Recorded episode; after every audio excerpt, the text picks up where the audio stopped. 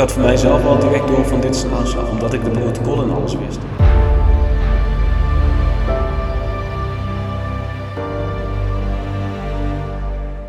Doorgaan met vechten terwijl je zelf doodgaat.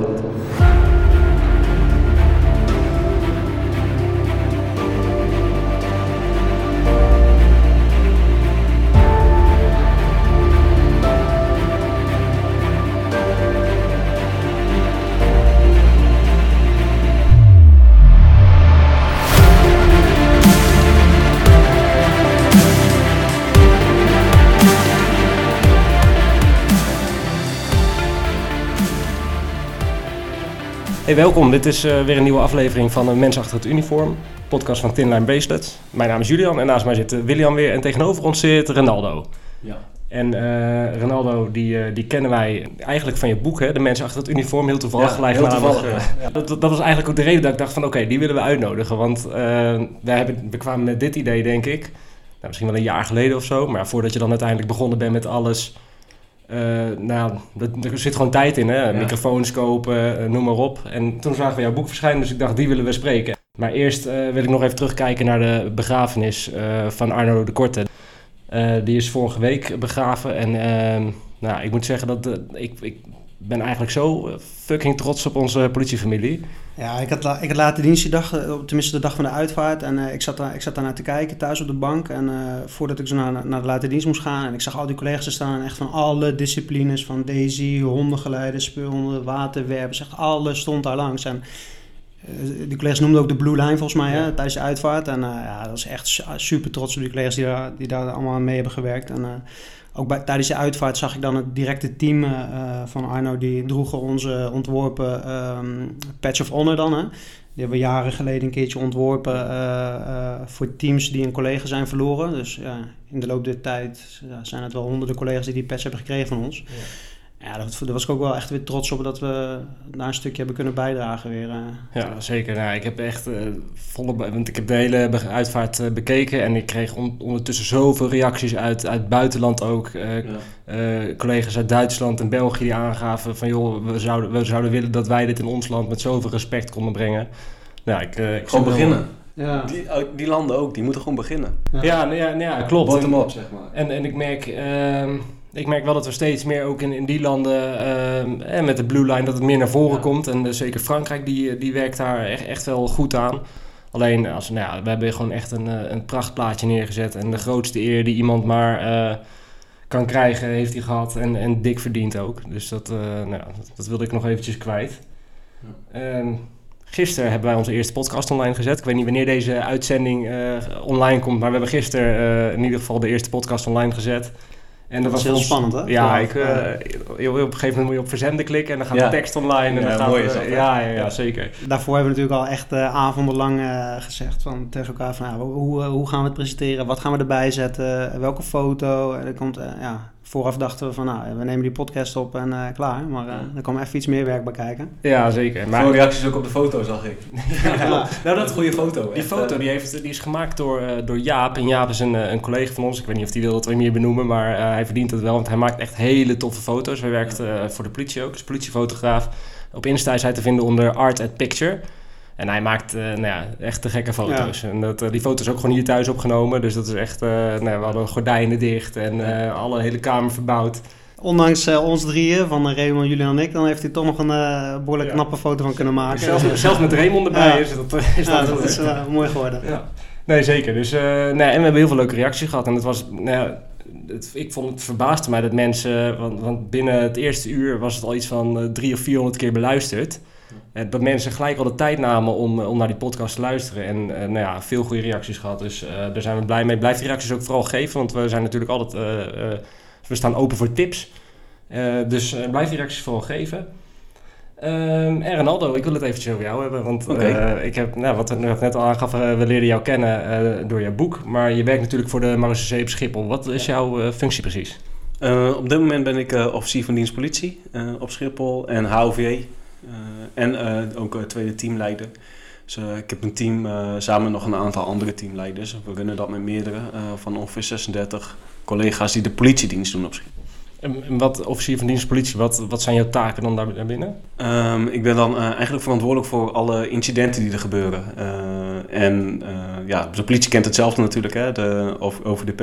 Ehm, eigenlijk alle grootschalige incidenten, daar geef ik dan sturing aan. En als het multi is, dat betekent dat je met ambulance, brandweer, andere ketenpartners zoals bijvoorbeeld uh, security of uh, op de luchthaven werken we heel veel met security samen. Of de OVD Rail. Uh, ja, dan gaan we in een overleg gaan we, zorgen dat het gestructureerd wordt en dat het zo veilig mogelijk gaat. Ja, dat is echt een pittige job natuurlijk. Hè? Want, tenminste, ik denk dat het bij de marché hetzelfde is als bij de politie. Want als we het allemaal weten, collega's, dan staan we allemaal vooraan te roepen. Hè? Van, moet zo, moet dit, moet dat. Ja. Maar als het even echt uh, ja, erop aankomt en er moet echt keuze gemaakt worden, dan vinden we het ook wel fijn om te kijken naar de OVDP van hey, uh, hoe, hoe, hoe gaan we dat doen? Ja, zeg dat iemand is die de klap erop geeft. Juist. Ja, dat, uh, dat merk ik ook wel in mijn werk hoor. Want kijk, wij werken in een uh, veiligheidsrisicogebied. Dus ehm, ja, we zijn daar iets meer met terreur bezig. En ja, het is net even iets anders dan de rest van Nederland. Hè. ja, we hebben nog meer luchthavens natuurlijk, maar er zit behoorlijk een dreiging op. En bijvoorbeeld uh, eh, 6 november 2019, ja, toen hadden we de kaping. Ja, dan wordt wel naar mij gekeken. Ja. Dus dat is over de P. Maar dat zijn best wel hele uitzonderlijke dingen. Dan heb je gewoon een grip 3. Ja, voor de collega's die weten best wat een grip 3 is. Dan wordt het even druk. Alle hens aan dek dan? Uh... Ja, behoorlijk en, ja. En wat is dan bijvoorbeeld een beslissing die je moet nemen? Uh, nou, sowieso, uh, daar, je kan niet te veel op de inhoud ingaan natuurlijk hè, met zulke dingen, omdat er vaste procedures voor zijn. Maar uiteindelijk komt natuurlijk uh, de DSI te plaatsen. En uh, ja, wat bekend is, is dat uh, op een gegeven moment werd er geroepen dat er mannen met mes aan boord zouden zijn. Ja, dan uh, verwacht je wel een interventie natuurlijk. Ja. En dan ben jij degene die bepaalt, uh, we gaan het doen of we gaan het niet doen? de eindverantwoordelijkheid zeg maar, van het brongebied, dus waar het incident gebeurt, dat ligt inderdaad bij mij. alleen ja, je zou echt heel sterk in schoenen moeten staan als je tegen Daisy zegt, we gaan het niet doen. Dus uiteindelijk doe je het samen, maar... maar je zit, ik neem maar met klamme handjes zit je het was een behoorlijk zware avond ja, voor mij. Ja. Ik kan me voorstellen. DSI ja. trouwens, voor mensen die het niet kennen, is de dienst speciale interventies. En die zijn eigenlijk uh, opgeleid tot het hoogste geweldspectrum uh, in Nederland om ingezet te worden als een. Uh, ja, voor speciale interventies, een arrestatieteam. Als de politie politie nodig heeft, Juist. dan ja, precies. Dan komen zij. Ja, precies. Hey, je bent, als ik het goed heb onthouden, op je 18e of 19e bij de Marché gegaan. Hè? Ja, 18, en, en, daarvoor heb je ook in uniform gewerkt, hè? Maar dan bij de McDonald's Bij McDonald's, ja, ja, dat heb ik goed gelezen. Ja. Dat is een keer onthouden. Ja, een mooi, uh, mooi verhaal vond ik dat. En kan je ons meenemen dan uh, als je als 19-jarige bij de marché komt? Hè? Want volgens mij had je het al eerder geprobeerd en uh, kon je niet qua je leeftijd volgens mij, hè? als het goed Nee, dat was de politie. Ik was te jong voor de politie. Ik had een MAVO gedaan en daar was ik eigenlijk te jong voor. Tuurlijk, als je 16 bent, dan ja. hè, te jong. En toen had ze ook gezegd bij de voorlichting in Groningen was dat. Ik woonde in Groningen. Toen hadden ze gezegd, de komende jaren hebben we ook geen mensen nodig, want uh, we zitten nog niet in die vergrijzing. Die vergrijzing is over een paar jaar pas, dus ja, het gaat hem toch niet worden. Um, nou, en ik was 16, dus wat moet ik dan doen? Toen kwam toevallig in dat jaar kwam er een uh, nieuwe opleiding, Vrede en Veiligheid. Uh, tegenwoordig heet dat anders. Ik ben even de VEVA volgens mij. Ja, VEVA, dat is het tegenwoordig inderdaad, ja. Uh, dus we waren een testjaar. Dus het was jaar op jaar kijken hoe gaan we verder, ook de instructeurs. Maar toen was ik dus, had ik het eerste jaar gehad. Ik denk, ja, ik ga toch maar iets doen. Hè? en het eerste jaar leerde ik de Marché kennen. Alleen wat ongeveer hun taken waren. En daar hield het echt bij op, want je mocht daar geen stage lopen. En toen heb ik, um, vlak voor het einde van dat eerste jaar, heb ik gesolliciteerd. Werd ik aangenomen, zou ik in augustus 2002 beginnen. Nou, Marseille had geen mensen nodig in die periode. Dus dat wordt gewoon vooruitschoven, vooruitschoven. Alles heeft met, natuurlijk ook uh, met politiek te maken. En uiteindelijk ben ik pas juni 2003 begonnen met de opleiding. Dus ik heb bijna een jaar gewacht. En ik werkte drie dagen in de week, uh, of drie, sorry, drie uh, zondagen in de maand werkte ik bij McDonald's. Dat werden toen in één keer uh, 38 uur per week. en ik heb zes keer ontslag genomen bij de McDonald's en weer opnieuw aangenomen. Omdat de Marseille zei, nee, toch, niet. Toch later, ja, toch later. Onvreselijk zeg. Ja, ja, ja. En, dan, en dan begin je dus bij de Marché. En volgens mij moet je dan, ik ben niet heel erg thuis in de opleiding, maar volgens mij moet je dus de AMO doen. Hè? De algemene militaire kant van Eerst de... moet je groen worden, zeg maar. Militair, dus discipline en ja, weinig slapen en vooral een soort van afgemat worden. Dus echt het bos in en... ja, bomen knuffelen. Ja, ja, ja. en vooral heel weinig slapen en nog minder eten. Dus, uh, ja, dat is wel uh, pittig volgens mij. Ja, de, het vormt je wel. ja, zo. Ik, heb, uh, ik heb de mariniersopleiding een deel gedaan. Toen heb ik een knieblessure oh, gekregen. Dus, maar dat slaaptekort... Dat, een, week, een week toch? Nou, iets langer. Maar, toen eh, met, die, eh, met dat slaaptekort, dat, ja, dat is echt bizar natuurlijk. Dat, eh, Zag je ook uh, roze olifantjes. ja, en eh die helm op je hoofd, dat je je hele hoofd niet meer voelde, eh, heen en weer. En, eh, heb, je dat, dat- heb je dat gedaan hè? en dan eh, eh, ben je werkzaam bij de Marché. Ja. En, maar je hebt heel veel binnen de Marché gedaan, toch? IBT-instructeur ben je geweest. Ja, klopt. Ja, ehm, het werkt bij de Marché zo dat ehm, sinds, sinds dit jaar of zo is dat anders hoor. Eh, dan krijg je redelijk, van te ver, redelijk ver van tevoren krijg je te horen waar je geplaatst wordt. Maar we zijn natuurlijk een landelijke operatie en je bent militair. Eh, landelijke operatie zei ik, landelijke eenheid. Mhm. Dus ehm, het, als morgen één keer zeggen van oké, we hebben een probleem ehm, in Groningen, ja, dan, dan gaan daar heel veel mensen naartoe. Dus dat gold toen voor mij in die periode in 2003 ook, dat ik eh, tien dagen van tevoren kreeg te horen, je gaat naar Schiphol. Eh, en de opleiding was in Apeldoorn. Dus ik ging van Groningen naar Apeldoorn, dat was voor mij al een stap. En toen in één keer naar Schiphol. En dat is tegen Amsterdam aan, en dat is voor mij een grote mensenwereld. Ja. Ja. Dus tien dagen later liep ik in één keer op Schiphol rond. Ehm, en daar ben ik uiteindelijk dus eh, begonnen in 2003. Was dat ook een beetje wat je voor ogen had voordat je... Toen je ging solliciteren bij de Marseillais? Want het is natuurlijk super breed, hè, Marseillais? Ja, ja, ja, we hebben, ja, sommige mensen hebben misschien Eeuwig en de Grens wel gezien. eh, en eh, daar wordt het redelijk goed in uitgelegd met wat voor taken we hebben. We hebben nog veel meer hoor. We werken in tientallen landen. Of ik echt dacht van oké, de, eh, dit is het werk. Politiewerk, kijk, politiewerk is voor de politie. En eh, op Schiphol hebben we een politiedienst. Eh, dat betekent dat we echt alleen maar gefocust zijn op het politiewerk. Omdat het gewoon een grote wereldstad is. Ja. Ehm, Ja, kijkt- Schiphol is echt een, inderdaad echt een stad op zich. Hè? Het is niet Ja. alleen maar een vlieg, vliegveld, maar het, het heeft alles. Ja, het heeft alles. Ja, het enige wat we niet hebben is de snelwegen, want we zitten binnen de snelwegen. Ja. Eh, maar daar rijden we wel heel veel. Dat is niet per se ons bewakingsgebied, zo, zoals we het noemen, maar we vallen wel onder de veiligheidsregio Noord-Holland. Dus als de veiligheidsregio Noord-Holland zegt van ja, we hebben mensen nodig, ja, dan gaan wij gewoon helpen natuurlijk. Ja. Hè. En dat kan, eh, er gebeuren zoveel, laten we zeggen, ongevallen ook hè, eh, op de snelweg, op de A4. Ehm, dus ja, daar steunen we gewoon heel veel. En zo heb je nog veel meer buiten ongevallen om natuurlijk. Dus wij doen echt gewoon politiewerk. Hey, jij hebt natuurlijk eh, ontzettend veel incidenten meegemaakt, minder leuke incidenten. Nou ja, dat, daar, daar lezen we ook alles over in je boek. Maar ik neem aan dat je ook eh, heel veel bijzondere leuke momenten hebt meegemaakt. Ja, zeker, tuurlijk. Eh, eh, in het boek beschrijf ik inderdaad eh, een aantal eh, eh, ja, of wereldbekende incidenten hè, die, eh, die ik beschrijf. eh, zoals Koninginnedag, uh, Turkish Airlines, eh, Schipholbrand. Maar ehm, ja, je maakt natuurlijk ook grappige dingen mee. Ja. Heb je, heb je een voorbeeld? Wat grappig is, maar ook wel aan de andere kant niet heel tof, was eh, dat we met een oefening bezig. Collega's waren bezig met een oefening eh, op Schiphol, eh, of sorry, vlakbij Schiphol. En ik was aan het werk en dat was een, eigenlijk een aanslag die werd nagespeeld. Alleen een van die collega's die had de portofooncheck gedaan, hè, dus we checken of iedereen op de goede gespreksgroep zit. Een gespreksgroep, eh, voor de mensen die er geen verstand van hebben. eh, de, porto- de, de meldkamer die werkt op verschillende ges- eh, gespreksgroepen. Zo houden ze de steden uit elkaar en inderdaad bepaalde gebieden kunnen ze uit elkaar halen. Zodat niet Ja. alle meldingen ehm, over, door heel Nederland op één Nee, eh, portofoon terechtkomen. Ja, precies. En zo heb je dus ook trainingsgespreksgroepen. Alleen dat waren een van de eerste portofoons waren dat, eh, van C2000, het systeem waar we tegenwoordig mee werken. En eh haalde de batterij eruit, nieuwe batterij erin. Dan ging die automatisch terug op de noten op. Maar had zijn portofooncheck al gedaan. Dus ze begonnen met de aanslag. Oh. En hij was ook nog eens een keer de commandant daar. Dus dat ging helemaal verkeerd natuurlijk. Dus wij zaten, we hadden net een controle gehad, we zaten op het bureau. En keer hoor je echt nou, behoorlijke kreten over de portofoon. En je hoort alleen maar schieten en bommen. En wat dachten dat is het dit? echt aan de hand En wij dachten het eerst, nou, ik weet nog wel, samen met twee andere collega's renden het bureau uit. En ik had toevallig een sleutel van, eh, van een auto nog bij me, omdat ik net de controle had gedaan. Nou, we trapten de deur van het bureau trapte door de muur heen. En eh, nou, we hebben zo asociaal hard gereden toen. En we sprongen uit de auto. Ik weet nog wel dat ik die auto, ik heb de sleutel er niet eens uitgehaald. En tijdens het aanrijden had ik de deur al open, handrem en... Zoek hem ruim met die auto, want we hebben geoorlog nu. En we springen die vertrekhal in met getrokken wapens. En het is zo ongelooflijk stil. Er Oh, gebeurt helemaal niks. Er gebeurt helemaal niks. Dat is echt raar. Ja. De portofoon hoor je nog steeds alleen maar geschreeuw en schieten. En Bizar. Maar moet je, Echt moet je dit nu eens bedenken, hè, wat je eigenlijk nu zegt. Van, dus je hoort, je- in jouw beleving is dat echt, hè? Dat er Ja. dus een, eh, een zieke aanslag is en dat het helemaal losgaat. En het eerste wat je denkt van, eh, we, moeten daar naartoe, ja. we gaan daar naartoe. En ja, waar iedereen dus weg is, zou rennen, ga jij naartoe en dan ga je acteren. En ja, dat is wel... We hadden niet eh, eens onze zware vesten aangedaan. nou, dat bedoel ik. Het was een, echt, nee, je mag het wel zo zeggen, het was echt een teringzooi Ja. wat er gebeurde op dat moment. Ja, Ja. bizar. En, En je eh, wil je collega's helpen. Eh, men- mensen die daar waren met die oefening bezig, zagen die jullie binnenkomen? Nee, want de oefening was net buiten Schiphol, dus je had er Ah. geen idee. En op een gegeven moment merkte je, en ehm, we hebben toen ook aan de collega gevraagd, want de jongen die bleef maar roepen en op de achtergrond hoorde hij alles. En de rest van de oefenleiding zei van, we horen je niet. Toen keek hij naar de portofoon. Shit. ja. Dus het is achteraf grappig, op dat moment was het Hoe- echt niet tof. Hoeveel mensen zijn er uitgerukt eh, op dat Eh, moment? Nou, ja, ik mag niet precies cijfers zeggen hoeveel we Oh, in de nee, noodop hebben zitten natuurlijk, maar eh, wel tientallen, zeg Ja. maar. Eh.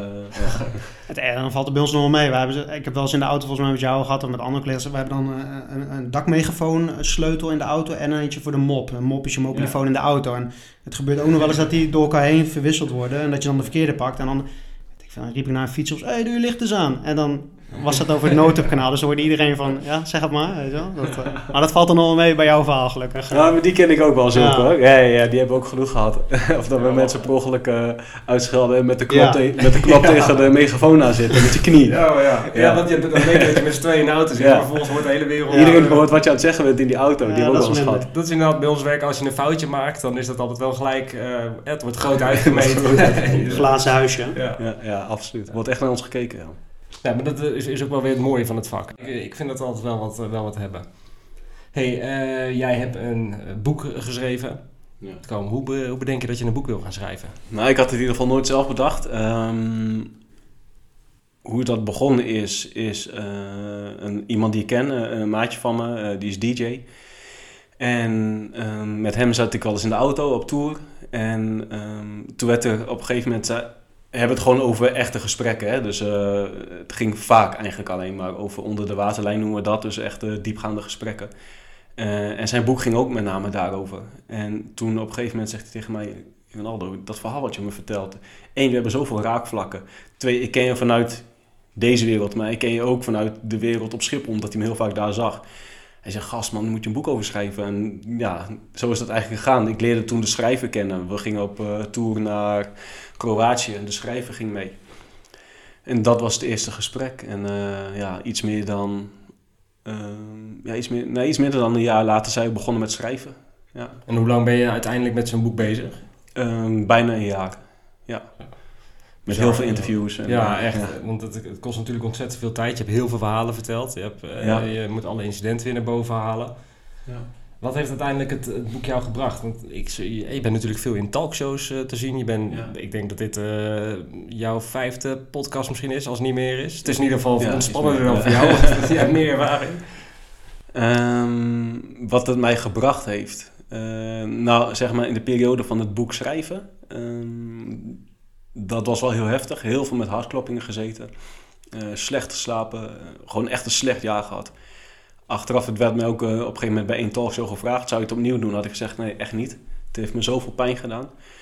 Ehm doet me nu nog steeds heel veel pijn, want het gaat natuurlijk in de breedste zin om mentale gezondheid. Hè, en uiteindelijk bij mij om PTSS.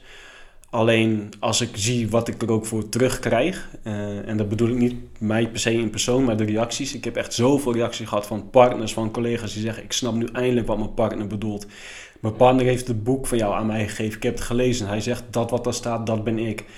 Eh, ik ben op tv, kijk dat programma terug. Ik heb zelfs van collega's van de politie kreeg ik gewoon zes, zeven weken later een bericht. Ik moest Bo die aflevering van jou terugkijken.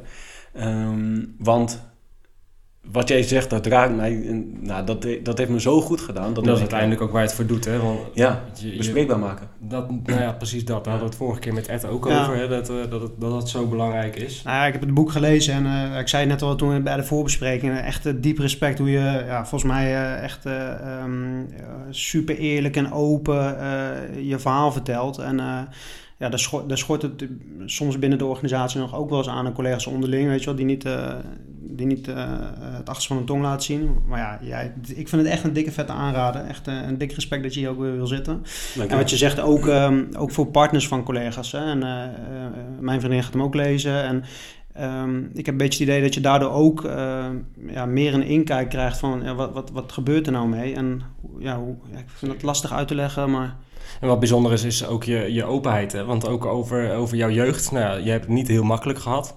Ja, wij zeggen altijd van, uh, het ligt er maar net aan waar je wiegje staat. En um, ik vind het, ja, misschien kan je er zelf zo nog wat meer over vertellen, maar ik vind het super knap ook. Hè, dat, uh, wij zijn met heel veel uh, mensen komen in aanraking waarbij uh, het wiegje zeg maar, aan de verkeerde kant heeft gestaan. Hè, en heel makkelijk naar het criminele pad zijn gegaan. En, en hele families bijvoorbeeld die dat dan doen.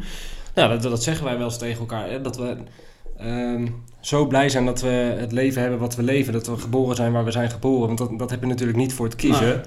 En wij zien natuurlijk, en dat zal jij ook gezien hebben, en misschien nog steeds vaak genoeg, dat, het, nou ja, dat mensen gewoon pech hebben. Pech ja, hebben kan jij er wat over vertellen? Want jouw wiegje heeft niet goed gestaan in die zin, hè, qua nee. jeugd. En, uh, dus daarom heb ik uh, super veel respect dat je juist naar de goede kant in, want die drang had je altijd al, hè, dat je -hmm. niet tegen ja. onrecht kon. Nee, klopt. En um, inderdaad, mijn uh, jeugd was heel, ja, heel veel geweld, veel drugs. Um, elk weekend was het gewoon een teringzooi thuis. Um, en ik sliep eigenlijk altijd met mijn ogen open. De hele familie eromheen was crimineel. Dan kijk ik nu even naar de familie van de ex-vriend van mijn moeder. Hè. Mm-hmm. Mijn moeder is weggegaan bij mijn biologische vader toen ik drie was, mijn broertje een half jaar. Maar daarna heb ik dus heel lang met haar, met, met haar ex-vriend samengewoond. Um, heel die familie was schieten tegen, schietpartij met de politie. Um, Hoe oud was je toen je dat besefte?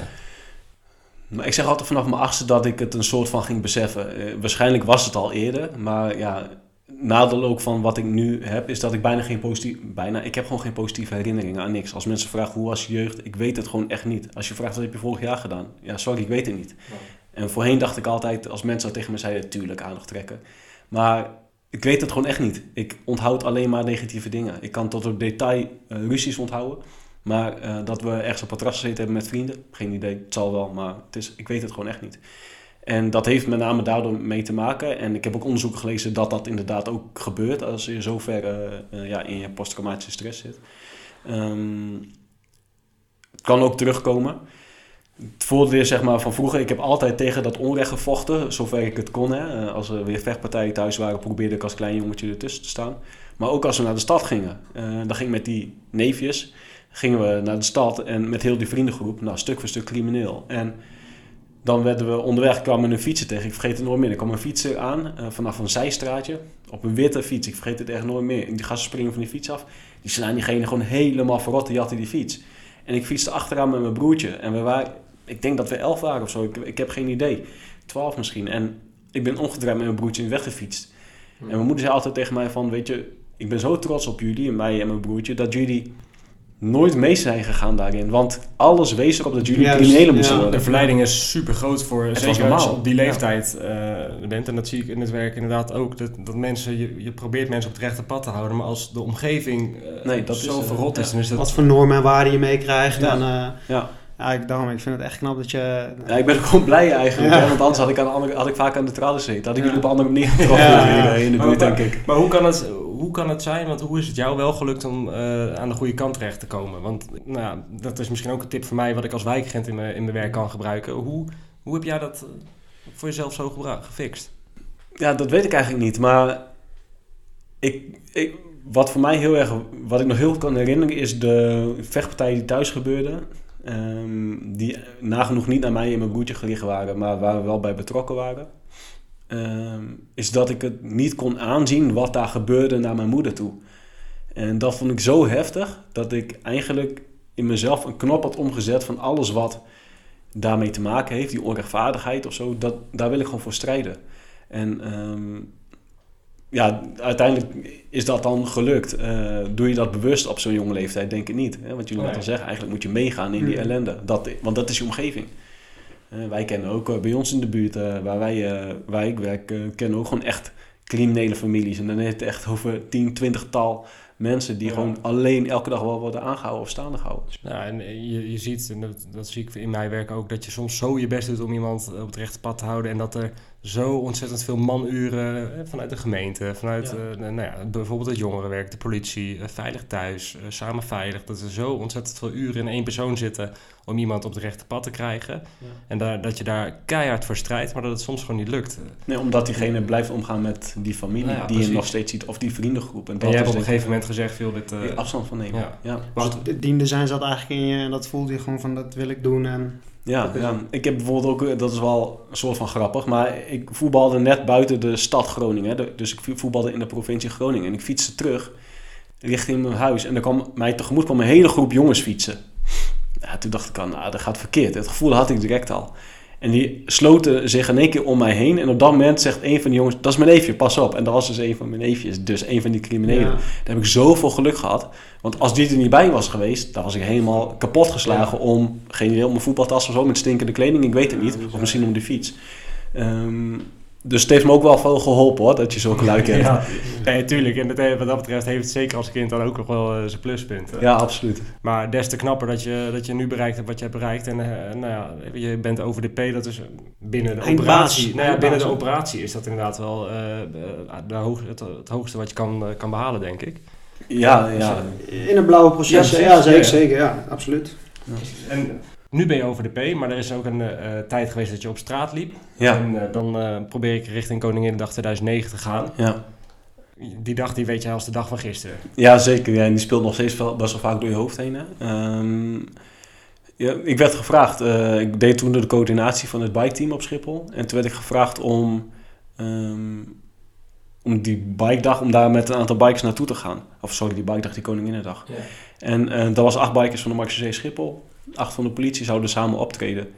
En omdat ik de coördinatie deed, was ik al eerder naartoe gegaan om alle plannen en alles door te nemen. eh, met de collega van de politie. Dus ik wist ook hoe het daar eruit zag qua veiligheidsringen. Toen zei hij van ja, we moeten ook eh, met een paar mensen moeten om die bus heen fietsen. En het lijkt me leuk als wij dat samen doen, zei hij. En kies nog twee mensen uit. Eh, dus één van de politie, één van de Marseillais. Dus ik eh, vroeg een van die jongens eh, van nou, nou, wil je ook mee? Dus uiteindelijk met, met vier om die bus. En toen kregen we al wel te horen van ja, we verwachten demonstranten en zo. Dus daarom willen jullie om de bus heen hebben. Mochten die dan over de hek heen klimmen of weet ik veel wat, dan kunnen we daarop reageren. Dan kan de DKDB hun werk doen.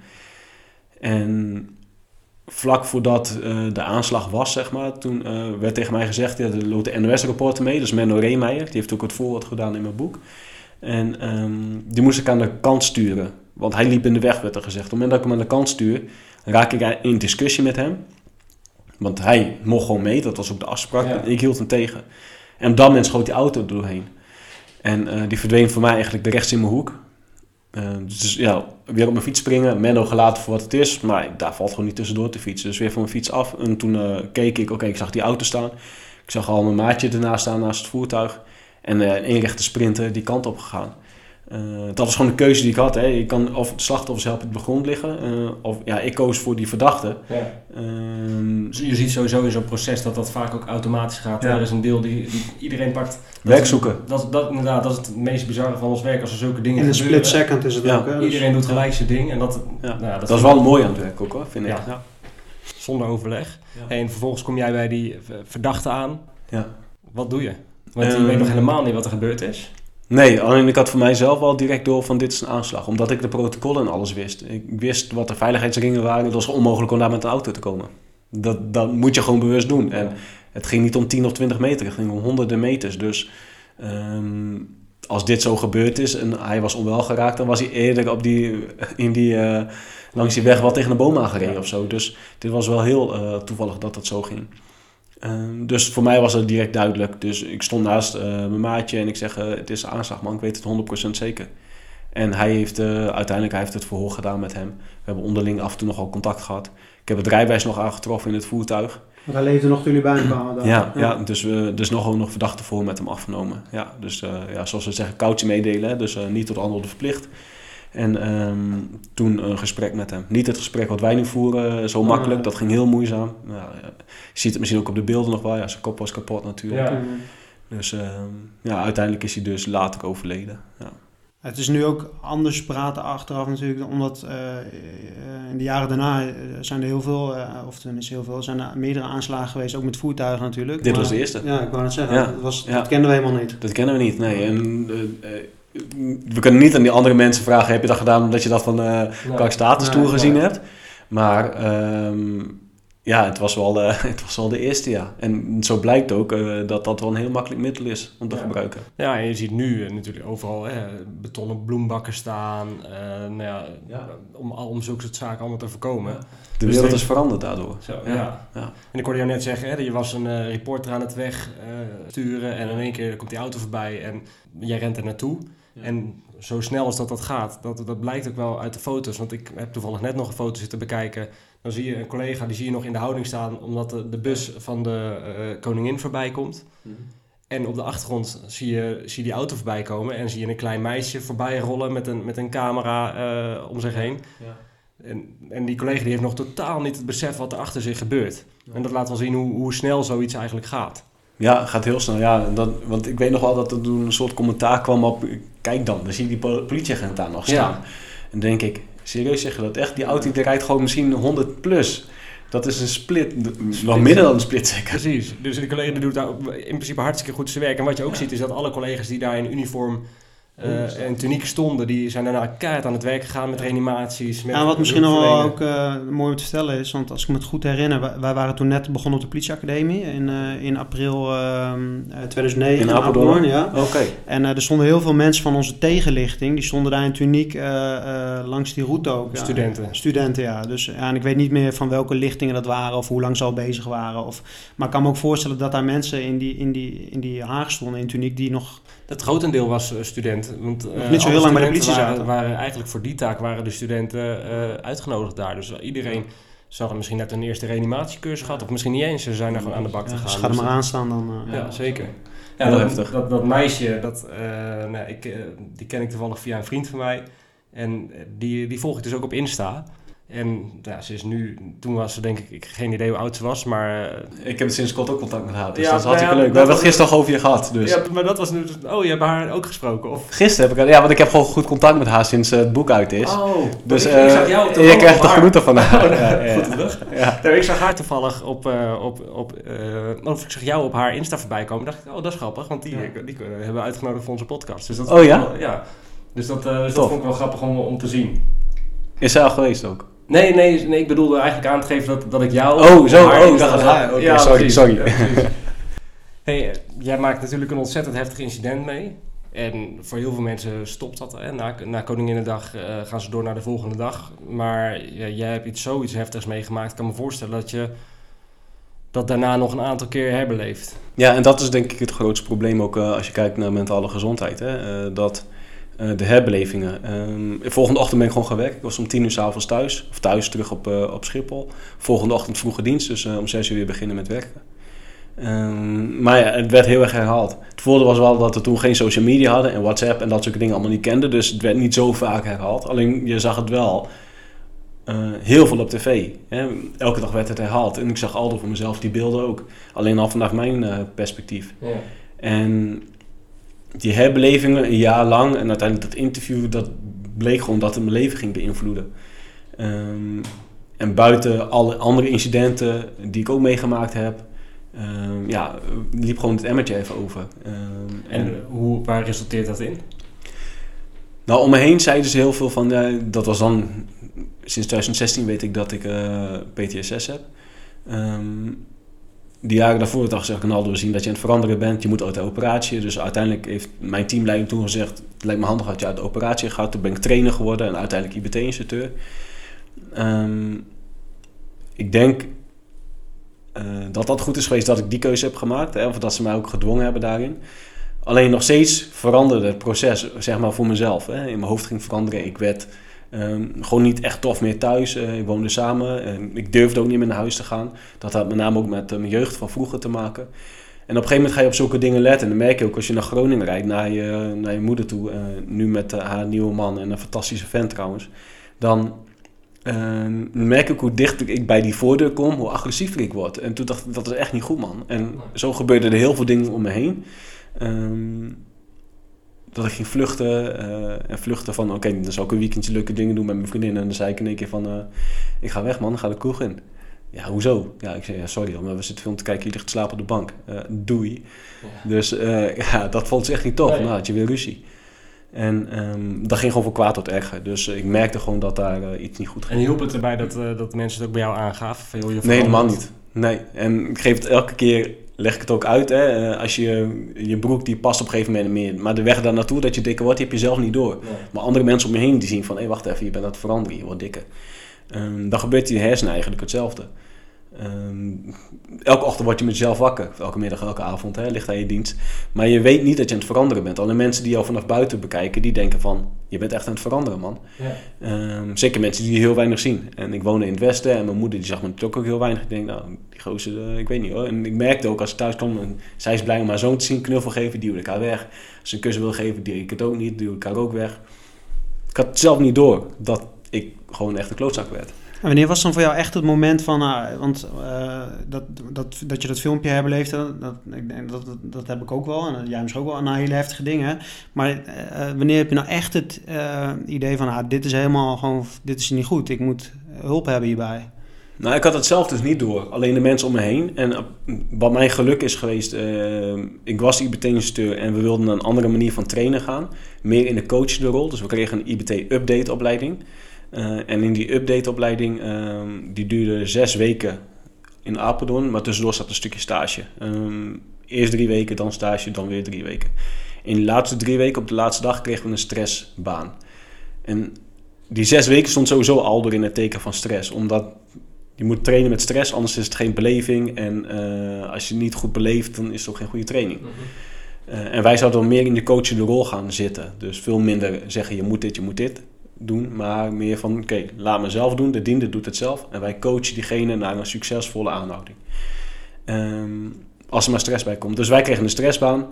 En nou, die duurde echt heel lang. Hè. Eh, blinddoek om, handboeien, eh, muziek, eh, herrie, schreeuwen, draaien. Je kent het wel. en dan op een gegeven moment de pand in en dan gekke dingen doen. En dan denk ik alleen maar iemand die de weg vraagt. Terwijl je Ja. max in de stress zit.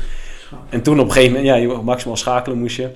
En eh, toen op een gegeven moment kwam ik eh, in een ruimte en er stond iemand met een, eh, met een grote stootkussen.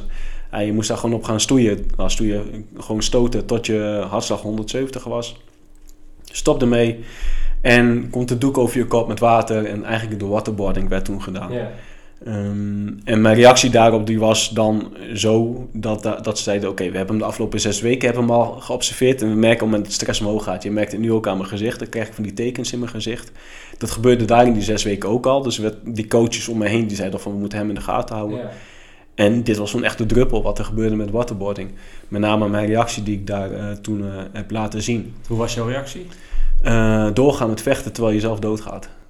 Want je hebt zuurstof ondernomen. Dus die wil eigenlijk een middel vinden om weer tot zu om zuurstof te krijgen. En dat, Deed jij niet? ik, ik was zo goed in het reguleren van eh, mijn dood, zeg maar. Hè. Dat klinkt heel raar, maar ik kon dat zo goed onderdrukken, die angsten.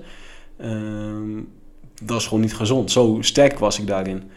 Ehm, toen ben ik uiteindelijk gesprekken aangegaan en eh, uiteindelijk doorverwezen naar een psycholoog. Ja. en Wilde je dat? Nee, ik voelde me er ook helemaal niet fijn bij. Uiteindelijk ben ik er ook wel redelijk snel mee gestopt. Ik gewoon dat het niet echt bij me past. Ik ben hyperalert, dus ik zie echt alles om me heen gebeuren. En ik hoor en proef ook eigenlijk alles. Ehm, dus ik kon me daar ook niet tegen focussen. Hij zat dan naast mij en die was een vraag aan het stellen. En moest ik teruggaan naar Koninginnedag bijvoorbeeld. Of naar een dodelijk ongeluk. En eh, dan was ik in die beleving. Dan op een gegeven moment zei hij van... Oké, eh, je moet een bepaalde reactie doen. Of je moet op een gegeven moment je ogen open doen. En die EMDR-therapie, hè, dus dan moet je het lichtbalkje gaan volgen. Alleen onder, in de tussentijd, tijdens die vragen, hoorde ik ook al mensen op de gang lopen. En dan was ik aan- naar hun gesprek aan het luisteren. Ik hoorde een auto voorbij rijden.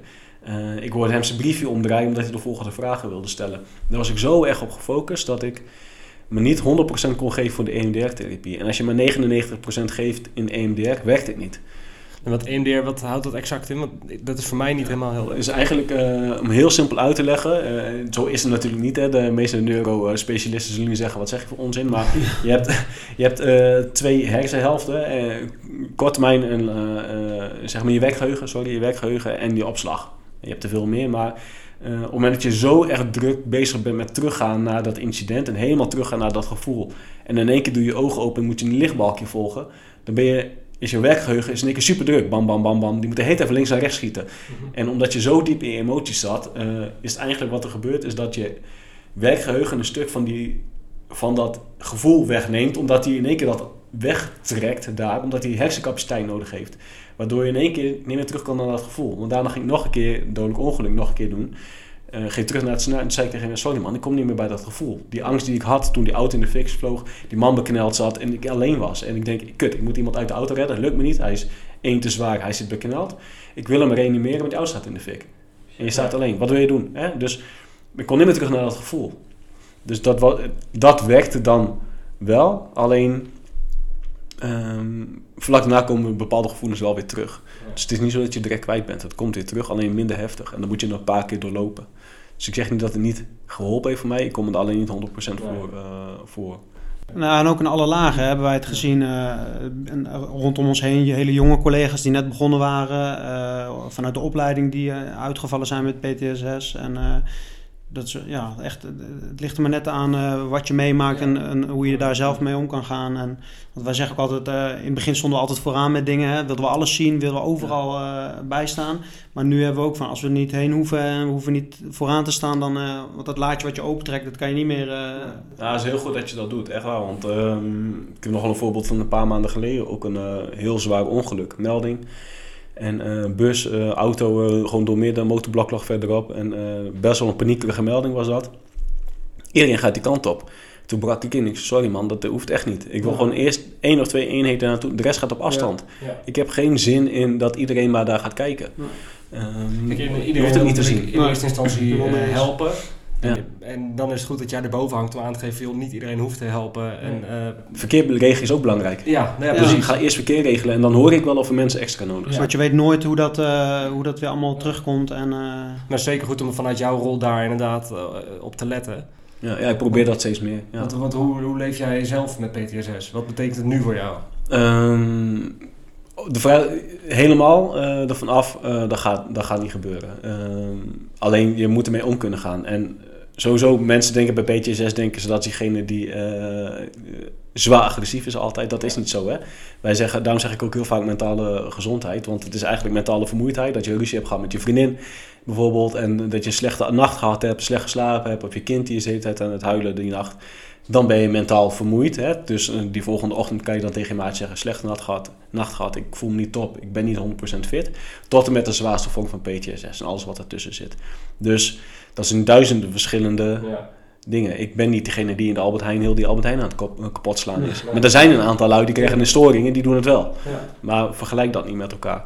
Um, ik ben nu wel... Uh, ik ben terug aan de operatie in drie jaar geleden. Dus gewoon weer richting de noodhulp als over de P dus. Um, dat was voor mij op dat moment een hele verstandige en goede keuze. Alleen um, nu merk ik aan mezelf, zeker door een aantal incidenten die ik onlangs weer meegemaakt heb, van plus de periode waar ik nu in zit met uh, de drukte uh, om het boek en uh, om het verhaal, dat ik toch aan het kijken ben om weer uit de operatie te gaan, omdat het toch weer te veel wordt. Ja. ja, ja. Jij bent echt bij alle heftige incidenten die je maar kan bedenken, ben jij bij geweest. Veel, veel wel, ja. ja. En dat, dat blijft, als ik nu zo hoor, blijft dat ook nu nog steeds uh, zo. Hè? Je bent dan wel misschien wat meer op afstand erbij betrokken, maar je blijft wel betrokken raken bij zulke incidenten. En ik kan me best wel voorstellen dat dat op een gegeven moment... En dat als je het niet tegen jezelf zegt, dat misschien dan iemand anders het tegen je moet zeggen. Veel, het is niet meer gezond om dat uh, steeds weer mee te maken. Ja, daar ben ik nu mee bezig. En um, Kijk, uh, zeker in de rol die we nu hebben, uh, als over de P kom je bij alle grote incidenten. Ja. En, um, het Juist kan zo, eigenlijk, hè? Ja, want je moet daar naartoe. Uh, en het kan zo zijn dat jij als noodhulp, dat jij de eerste noodhulp te plaatsen bent bij een incident. Het volgende grote incident wat gebeurt, is iemand anders de ja. eerste eenheid. Ja. Dus, maar ik sta er ook weer. Ja. en dus als je drie zware incidenten op een dag hebt, sta ik bij alle drie. waarbij je misschien nog de noodhulp kan sparen. Ja, wat, wat natuurlijk ook niet, wat je niet moet vergeten is dat Um, wat wij heel vaak normaal vinden in dingen die wij zien of die we meemaken, dat is niet normaal. Hè? En uh, dat, sommige mensen maken hun dat hele leven niet mee. Uh, wat jij bijvoorbeeld in één week meemaakt uh, qua incidenten. En ja, dat is niet gek dat dat, dat, dat veel is allemaal om te verwerken. En, Nee, en hoe en- zie je daarin dat zeg maar tien jaar geleden, ik weet niet hoe dat bij de Camar is, maar binnen de politie zie ik daar echt een, een hele positieve verandering in van tien jaar geleden en nu zeg maar. Qua hoe je open ontvangen wordt als je terugkomt van dat soort heftige dingen. Ik, hoe is dat bij de Camar? Ehm, ja, bij ons is het ook al een tijdje zo. Hè. Ehm, het voordeel is dat wij onder Defensie vallen. Dus eh, Defensie kent het, eh, zeker na Srebrenica, de enclave, daar is daar behoorlijk veel aandacht aan voor geweest. Dus wij vallen onder diezelfde zorg. Eh, wij hebben een eigen zorgstelsel, dus ehm, ja, dat is gewoon ingeregeld bij ons. Alleen erover praten als collega's, eh, dat is soms nog wel lastig. En helemaal in het begin hadden we het dan bijvoorbeeld over die kaping. Daar zijn geen gewonden gevallen, er zijn geen slachtoffers gevallen. Ehm, maar op een gegeven moment vraag ik aan een aantal collega's eh, om bepaalde handelingen te doen, samen met de DSI. Eh, de DSI die vroeg daarom. En wat dat precies was, dat kan ik, moet ik dus even in het midden laten. Ja. Maar Mhm. die jongens hebben geen tijd om... eh, terwijl we denken dat er boven in het toestel mannen met messen eh, Ja, ja. staan. Hè? Dus die jongens hebben geen tijd om nog even een vriendin of een vriend een berichtje te sturen van... ik hoop dat ik vanavond thuis kom. Maar het is wel met de gedachte waar ze naar toestel gaan. Nou, ga daar maar eens staan. Precies, want dat, want het is niet alleen maar handelen bij een, bij een bepaald incident. Is inderdaad, je, 9 van de 10 collega's hebben gewoon een gezin thuis zitten. En je gaat zo'n incident in waarvan je weet dat je het misschien niet overleeft. Kijk naar Broek en Waterland. Tja, nou ja, het is- Ja, ik had gisteren toevallig IBT, hè? je had het net over IBT, eh, dat is, eh, dat is onze training hè, waar je, eh, je je toetsen doet en eh, gecertificeerd blijft. En dan hadden we het ook over deze kaas inderdaad, van nou, er zijn heel veel mensen die oordelen achteraf, hè, en eh, maar ga er maar staan jongen daar, tegen Kalashnikovs en dingen, met, met je, met je Walter. En, eh, Ja, ja, bizar echt. ja. En alle incidenten die jij, eh, of tenminste een groot deel van de incidenten die jij eh, hebt meegemaakt, heb je natuurlijk in je boek eh, opgeschreven. En eh, nou ja, je hebt een aantal boeken meegenomen. Dus die boeken die ga jij, eh, of tenminste, die zijn te vinden in onze webshop www.inlinebracelets.nl. En het mooie wat je net aangeeft is dat je ook een deel daarvan eh, wil schenken aan Ja, Stichting. Politieveteraan. Zeker weten. Ja. En Stichting Politieveteraan steunen wij natuurlijk ook. Dus je zou ehm, hun kunnen steunen door het armbandje wat we hebben Kops voor Kops aan te schaffen. En dus nu ook met het boek van Ronaldo. Dus eh, hartstikke bedankt daarvoor. Ja, wat ik al zei, echt een dikke vette aanrader om gewoon het boek te lezen. En ook voor je partner en eh, ja, om een inkijk dat is te geven. nog wel een goede die je aangeeft voor je partner. Hè? Dus zodat eh, collega's die nu luisteren die een partner hebben, laat... Ja, vooral waar ze niet aan de, kunnen zeggen. Nee, Ja. precies. Laat hem of haar dat boek lezen en eh, neem er mee, of hem mee in de wereld van ons. Ja. Want eh, ik merk wel eh, inderdaad, de mensen die dichtbij me staan, vind ik het heel lastig om te vertellen wat er Mhm. in me omgaat. Ik vind het veel makkelijker om met jullie erover te hebben dan ehm, met bijvoorbeeld mijn moeder of zo. Daar heb ik het er niet over. Snap ik? Ja, dus ehm, en dan zeker wat de reacties die ik kreeg te horen, wat ik net vertelde, van ja, mijn partner zegt van lees dit boek, want dit ben ik. Ja. Dat geldt niet voor iedereen, maar het gaat ook niet om de incidenten zelf, maar het gevoel wat ik eromheen beschrijf. Ja, precies. En je hebt het super mooi beschreven en ook, ook de andere incidenten ehm, eh, met de Schipholbrand en, eh, en die kaping inderdaad. En ja, het is echt, echt, een een dikke aanrader. En, ja. ja, als we dat allemaal gaan bespreken, zitten we hier nog twee uur ik. precies, precies. Maar we Wel moeten, gezellig. we moeten inderdaad echt een beetje een einde aan breien. Nu, hoe, hoe gezellig we het ook vinden Ja, en ja, hoe mooi ik je gesprek ook vind. Eh, jij bent zelf te vinden op Insta, Ronaldo-Isaac eh, ben je op Insta. hè? Ja, Eh, wel de goede pak hoor, want ik heb ook nog een fan-account. Meen je? Ja, die, die heb ik niet zelf gemaakt. Oh, maar af en toe zie ik dat mensen mij proberen te taggen. Maar Oké. taggen ze dat fan- fan-account. Oké, dus maar echt Geen idee wie dat is, hoor. Ronaldo-Isaac en dan ben jij Zonder één of zonder iets. Ja, precies. Ja, ja. Nou, wij zijn zelf natuurlijk te vinden op Inline Bracelets. Eh, vond je dit een eh, mooie podcast? Eh, geef dan ook echt een recensie, want dat, dat lezen we allemaal. Dat vinden we fijn om te lezen. Daar leren we van. En nou ja, mocht je zelf een podcast willen bijwonen, heb jij wat heftigs meegemaakt waar je het graag met ons over wil hebben, stuur ons dan vooral een, een berichtje. Ehm, en wil je natuurlijk nog, ga ik nog één keer benoemen, wil je nog bijdragen aan eh, collega's of hulpverleners eh, die eh, PTSS hebben, dan kun je een donatie doen bij Stichting Politieveteraan of op onze website een aankoop van een Tim Blue Line armbandje doen. En dan steun je die stichting. Bedankt voor het luisteren, bedankt. Nogmaals dank dat jij er was. Ja, Jullie echt bedankt. dik respect, echt top.